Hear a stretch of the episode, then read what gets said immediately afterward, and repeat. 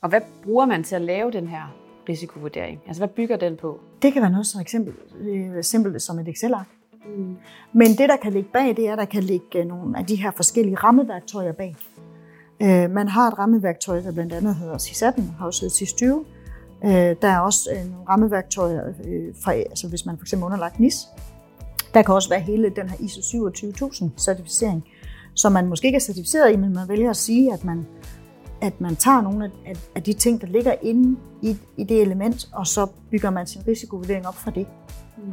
Og det er jo så nogle af de der ting, så, så skal man så forholde sig til at svare, du ved, ja eller nej, altså i forhold til, hvor godt understøttet man er på de forskellige områder, der ligger i de her øh, retningslinjer. Og der sagde du både SIS 18, SIS 20, ISO-vurdering og mm. noget med NIS. NIS, ja. Hvad er de forskellige sådan overordnet? Ja, øh, ISO er jo en, en, en certificeringsstandard. Ligesom man har øh, en ISO-standard også på processer og andre ting, så har man en ISO-standard på sikkerhed.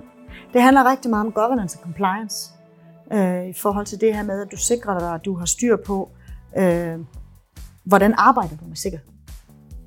Så har du et, øh, et EU-direktiv, øh, der hedder NIS, øh, som nok lige om snart bliver til NIS 2, øh, som går specifikt på nogle, øh, hvad kan man sige, nogle brancher.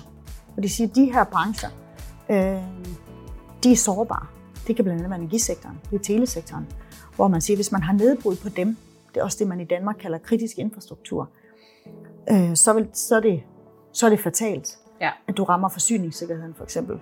Så der har EU også udstukket øh, nogle krav til, øh, hvordan man skal arbejde med sikkerheden og højens sikkerheden. Og det er igen også rigtig meget omkring compliance og governance.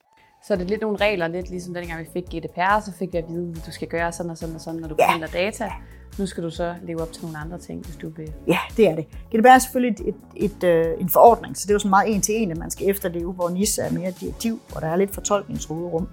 Øh, men ja, meget i det hele er det de samme. Og så har man nogle, der er lidt mere tekniske, som det vi kalder SIS-20. Øh, der kan man også få nogle deciderede nogle, der hedder IEC også, øh, som handler lidt mere om øh, nogle tekniske retningslinjer og krav. Altså det her med kryptering og firewalls og sådan nogle ting. Øh, så den er mere sådan, jeg vil sige, for cybersikkerhedsmæssigt perspektiv, er den mere håndgribelig øh, ned, når vi taler ned imod den tekniske afdeling.